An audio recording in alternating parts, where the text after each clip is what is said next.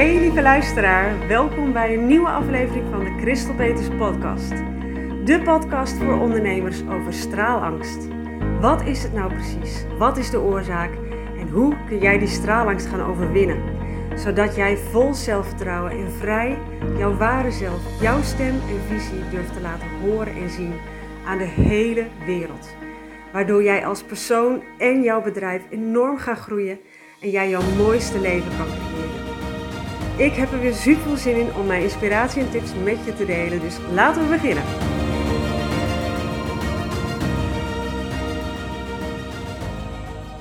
Hey lieve luisteraar, welkom. Fijn dat je er weer bent. Ik zit weer in de auto. Het is een beetje de week van uh, podcastopnames in de auto, omdat uh, ik graag een beetje in voren wil werken omdat de herfstvakantie eraan komt straks. En ik dan gewoon lekker met de kinderen vrij wil zijn. Dus uh, vandaar uh, even wat podcastopnames in de auto. En ik wil het vandaag graag met je hebben over datgene wat eh, je straalangst overwinnen veel makkelijker maakt. En ook niet te vergeten veel leuker. Uh, en dat is dat je het samen gaat doen. Samen sta je sterker, samen is het veel leuker. En uh, mijn ervaring daarmee is, ik vind sowieso zelf uh, samen iets doen, op het podium ook staan samen, veel leuker dan alleen. Maar ik zal even meenemen met uh, mijn ervaring, mijn verhaal, hoe ik dat, ja, waarom ik dat zo sterk voel.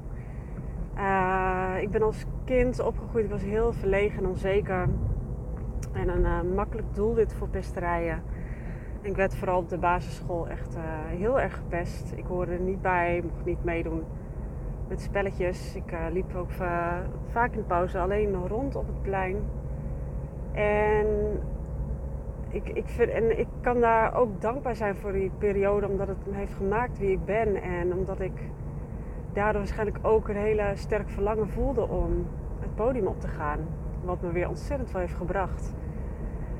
Maar het heeft natuurlijk wel uh, veel effect gehad. En ik had in die tijd, uh, en ook op de middelbare school eigenlijk ook niet echt. Daar ging ik wel met wat mensen om, maar echte vriendschappen of tijdelijk even, maar echt vriendschappen die bleven. En echt uh, wat je in, op die leeftijd over het algemeen uh, vaak doet, is met uh, gelijkgestemde vriendinnen uitgaan, leuke dingen doen. dat had ik op school in ieder geval eigenlijk niet. En buitenschool had ik dan van ballet wel een vriendinnetje waar ik wel wel geregeld mee afsprak. Dus ik was niet helemaal uh, zielig altijd alleen of zo. Maar ja, echt dat, dat met een groepje samen leuke dingen doen en uitgaan en zo, dat, dat, dat had ik toen gewoon niet. En um, ja, ik, ik, ik miste dat toen ook echt wel. Als ik dan hoorde dat anderen dat gingen doen, dan vond ik dat best wel uh, lastig dat ik dat zelf dan niet had. Uh, op de, daarna ben ik de MBO gaan doen. Een MBO-opleiding uh, tot schoonheidsspecialiste.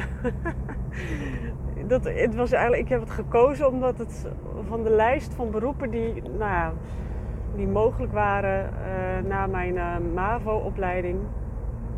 Omdat dat eigenlijk nou, degene die dan nog het meest, het meest leuke leek van. Maar eigenlijk wilde ik heel graag iets van psychologie of zo op dat moment studeren. Maar goed, dat, dat, dat kon niet. Uh, daarvoor had ik niet. Uh, dan had je HAVO moeten hebben, op zijn minst geloof ik. En uh, ja, ik, ik, ik was als kind al eigenlijk. Wat ik constant te horen kreeg is: het zit er wel in, maar het komt er niet uit. En ik was ook heel veel aan het dromen, snel afgeleid, lette niet op in de klas. Ik vond huiswerk maken ook niet leuk ja, dus ik deed er niet veel over. Ik haalde alles wel, maar ik, ik vond altijd, ik vond al die vakken op school allemaal eigenlijk nog niet leuk, behalve eigenlijk tekenen en, uh, en muziek. Maar biologie vond ik nog wel enigszins interessant. Nou, hield het eigenlijk wel mee op. De talen, talen vond ik ook nog wel. Talen is ook nog wel, uh, daar ben ik wel redelijk goed in. Dat, de Engels en Frans was ook, uh, vond ik ook wel leuk. Maar ja, echt,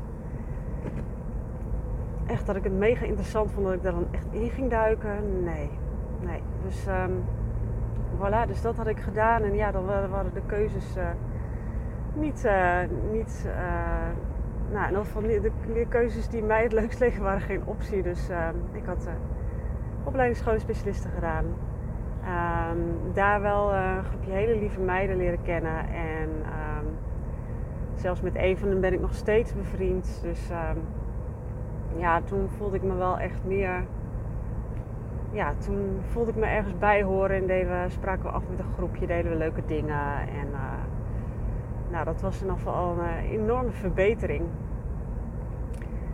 Uh, en, maar eigenlijk het moment dat ik me echt helemaal op mijn plek voelde en me omringde met gelijkgestemden, kwam toen ik net 19 was en ging werken bij een entertainment team. Ik had toen net uh, mijn opleiding, die MBO-opleiding, had ik afgemaakt.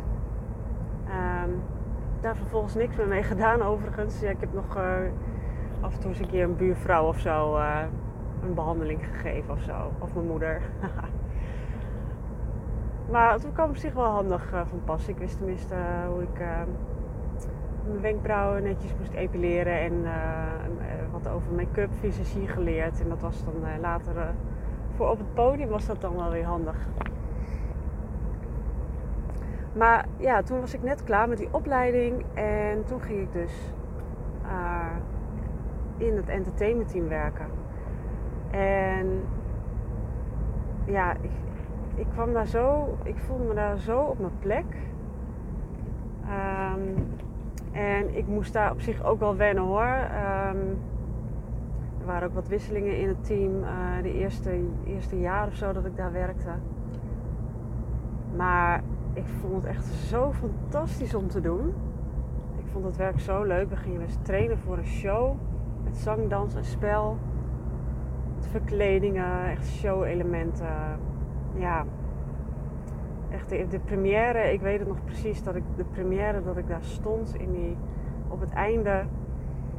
En echt dacht van, nou dit, dit is waarvoor ik hier ben.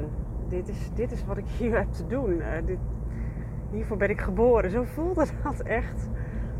En ja, en, in dat team ook, ik vond me steeds meer comfortabel. En op een gegeven moment hadden we inderdaad een, uh, een soort vaste kern die echt, nou, ik geloof zo'n vijf jaar echt samen heeft gewerkt. Een vaste groep. En dat was zo'n hechte groep. Dat was echt, dat was gewoon echt een vriendengroep. Als ik een showavond had, dan voelde dat totaal niet als werken. Dat voelde gewoon als een avond uit met mijn vrienden. En ik heb daar vriendschap echt voor het leven aan overgehouden. Uh, ook, en ook in die tijd buiten het werk gingen we ook regelmatig met elkaar om. Deden we leuke dingen. En oh my, dat echt, daar ben ik zo enorm van opgebloeid. Ik, uh, ja, kroop zo uit mijn schulp en het is echt. Ja, dat heeft ontzettend veel gedaan voor mijn groei, voor mijn ontwikkeling, voor mijn zelfvertrouwen.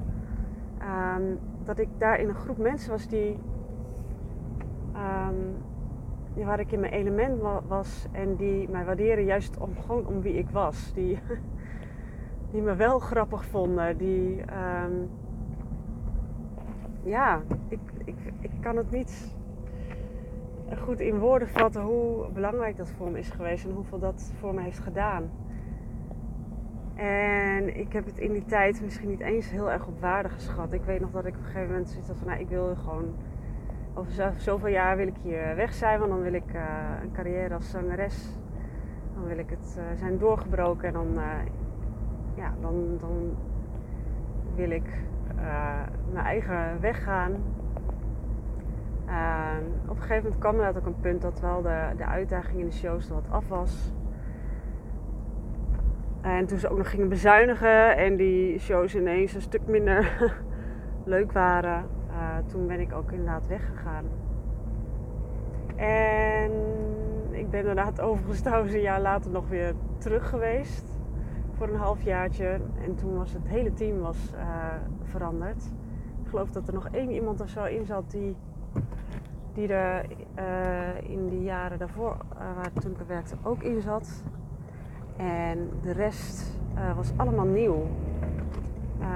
en goed, ook nieuw in het show draaien vaak. Die, dat voor het eerst zoiets deden. Um, die daar nog in mocht groeien. Die, maar ik voelde niet dezelfde gedrevenheid en dezelfde klik als inderdaad met die eerste, die eerste, nou hoe lang ben ik die eerste acht jaar dat ik daar heb gewerkt.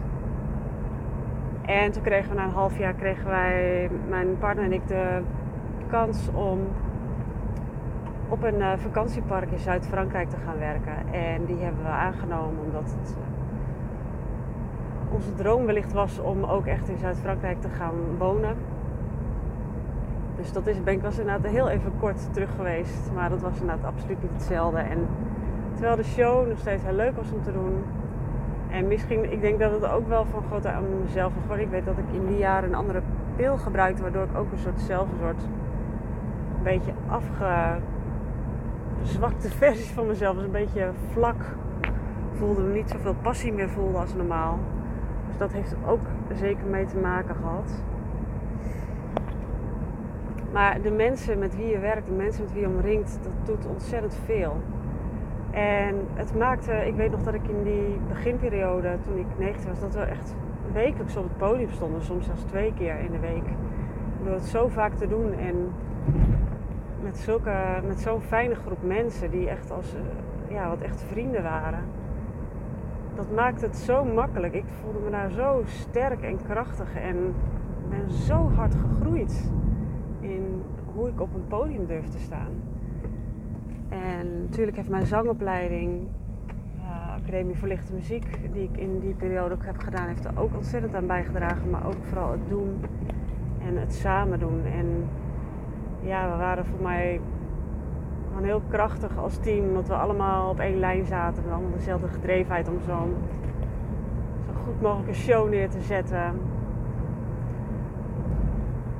Dus dat was echt, uh, ja, dat was echt fantastisch. Dus dat is een enorm goede tip trouwens die ik ook heb gegeven in mijn uh, podcast. Uh, een aantal, ik weet niet meer welk nummer, een aantal podcasts geleden.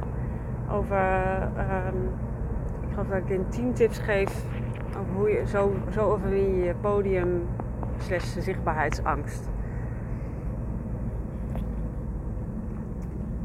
Um, dus omreng je met gelijkgestemden. Dat doet heel veel. Maar ook dus inderdaad in het geval van een straalangst doet dat heel erg veel. Uh, als je het eng vindt om iets alleen te doen, ga het dan eerst eens een keer samen met iemand doen. Dus bijvoorbeeld ook een podcast opnemen. Als je dat te eng vindt, ga dan in gesprek met anderen en ga het samen doen. En je hoeft het niet per se dan, dat je dat altijd dan met iemand, uh, vast iemand samen moet doen. Je kan ook uh, met verschillende mensen praten. Ik heb nu de laatste tijd uh, meerdere podcast interviews afgenomen en ik vond het super leuk. Het is toch heel leuk om te zien wat er dan spontaan ontvouwt. Want als je het alleen doet, heb je natuurlijk toch wel een bepaald idee in je hoofd waar je over gaat praten. Ik moet zeggen dat ik het meestal gewoon niet voorbereid. Maar dan uh, heb ik een bepaalde onderwerp in mijn hoofd. En dan natuurlijk als ik aan het praten ben, dan komen er soms ook deze dingen uit uh, die ik niet van tevoren niet had, bedacht. Maar vooral in gesprek samen met iemand kun je, ja, kan er gewoon een hele mooie energie ontstaan. Als je naar mensen zoekt die, waar je mee matcht, waar je een klik mee hebt. En uh, dat kan ervoor zorgen dat het dus zo'n drempel ineens een stuk lager wordt om bijvoorbeeld zoiets te doen. Of uh, weet ik veel, een event organiseren, een workshop, uh, video's maken. Doe dat dan, ga dat samen met iemand doen als je dat alleen echt nog te eng vindt.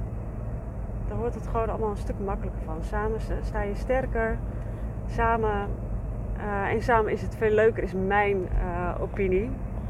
Natuurlijk uh, kan het zijn dat je, ik ben ook introvert, maar dat je zo introvert bent dat je het juist heerlijk vindt om altijd alleen te werken.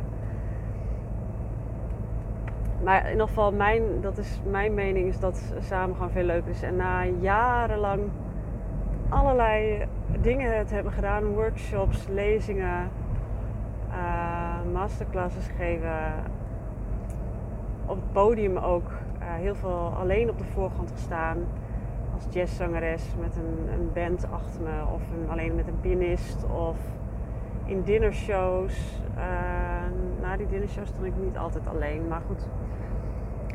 Heel veel dingen dat ik alleen op de voorgrond stond en ik heb hele gave dingen mogen doen. Ik heb voor de EU-ministers mogen zingen.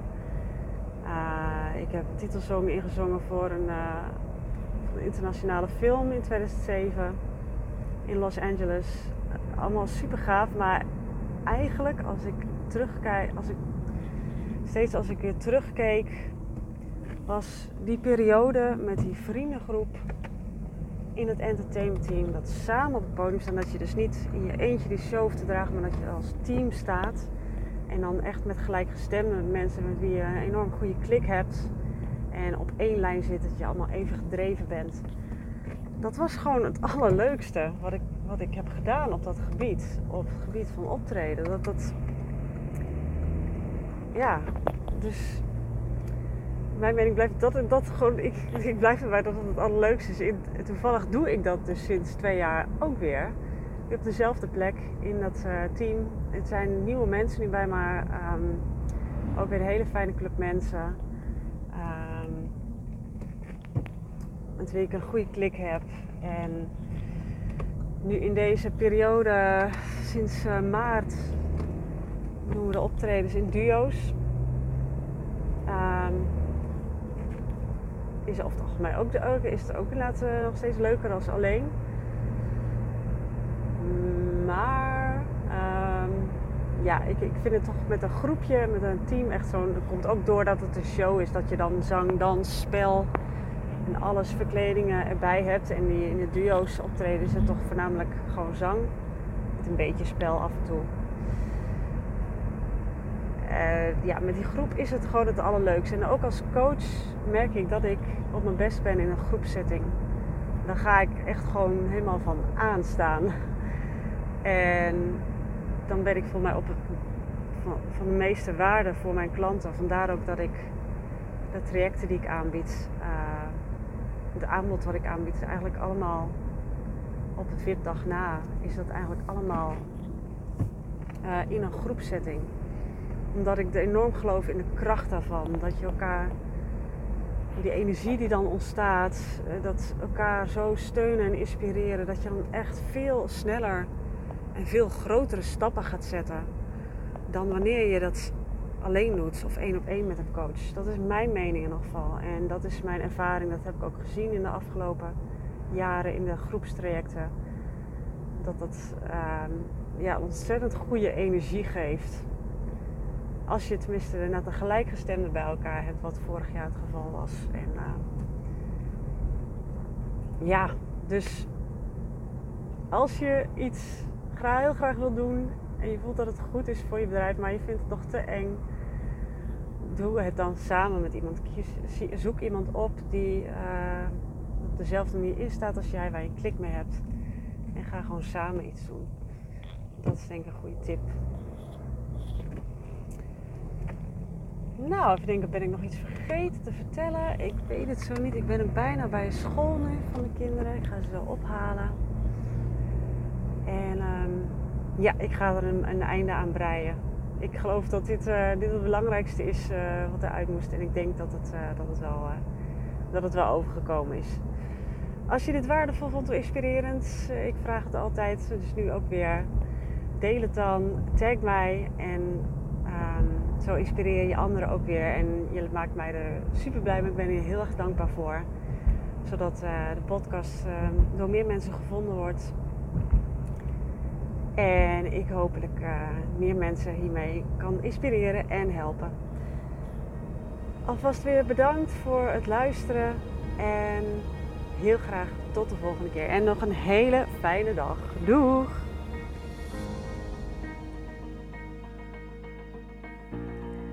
Lieverds, hartstikke bedankt weer voor het luisteren.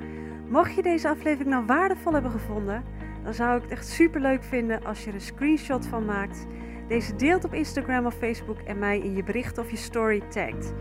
Zo kunnen andere mensen ook deze podcast vinden en ik vind het gewoon heel erg leuk om te zien wie er luistert. Alvast heel erg bedankt en tot de volgende keer!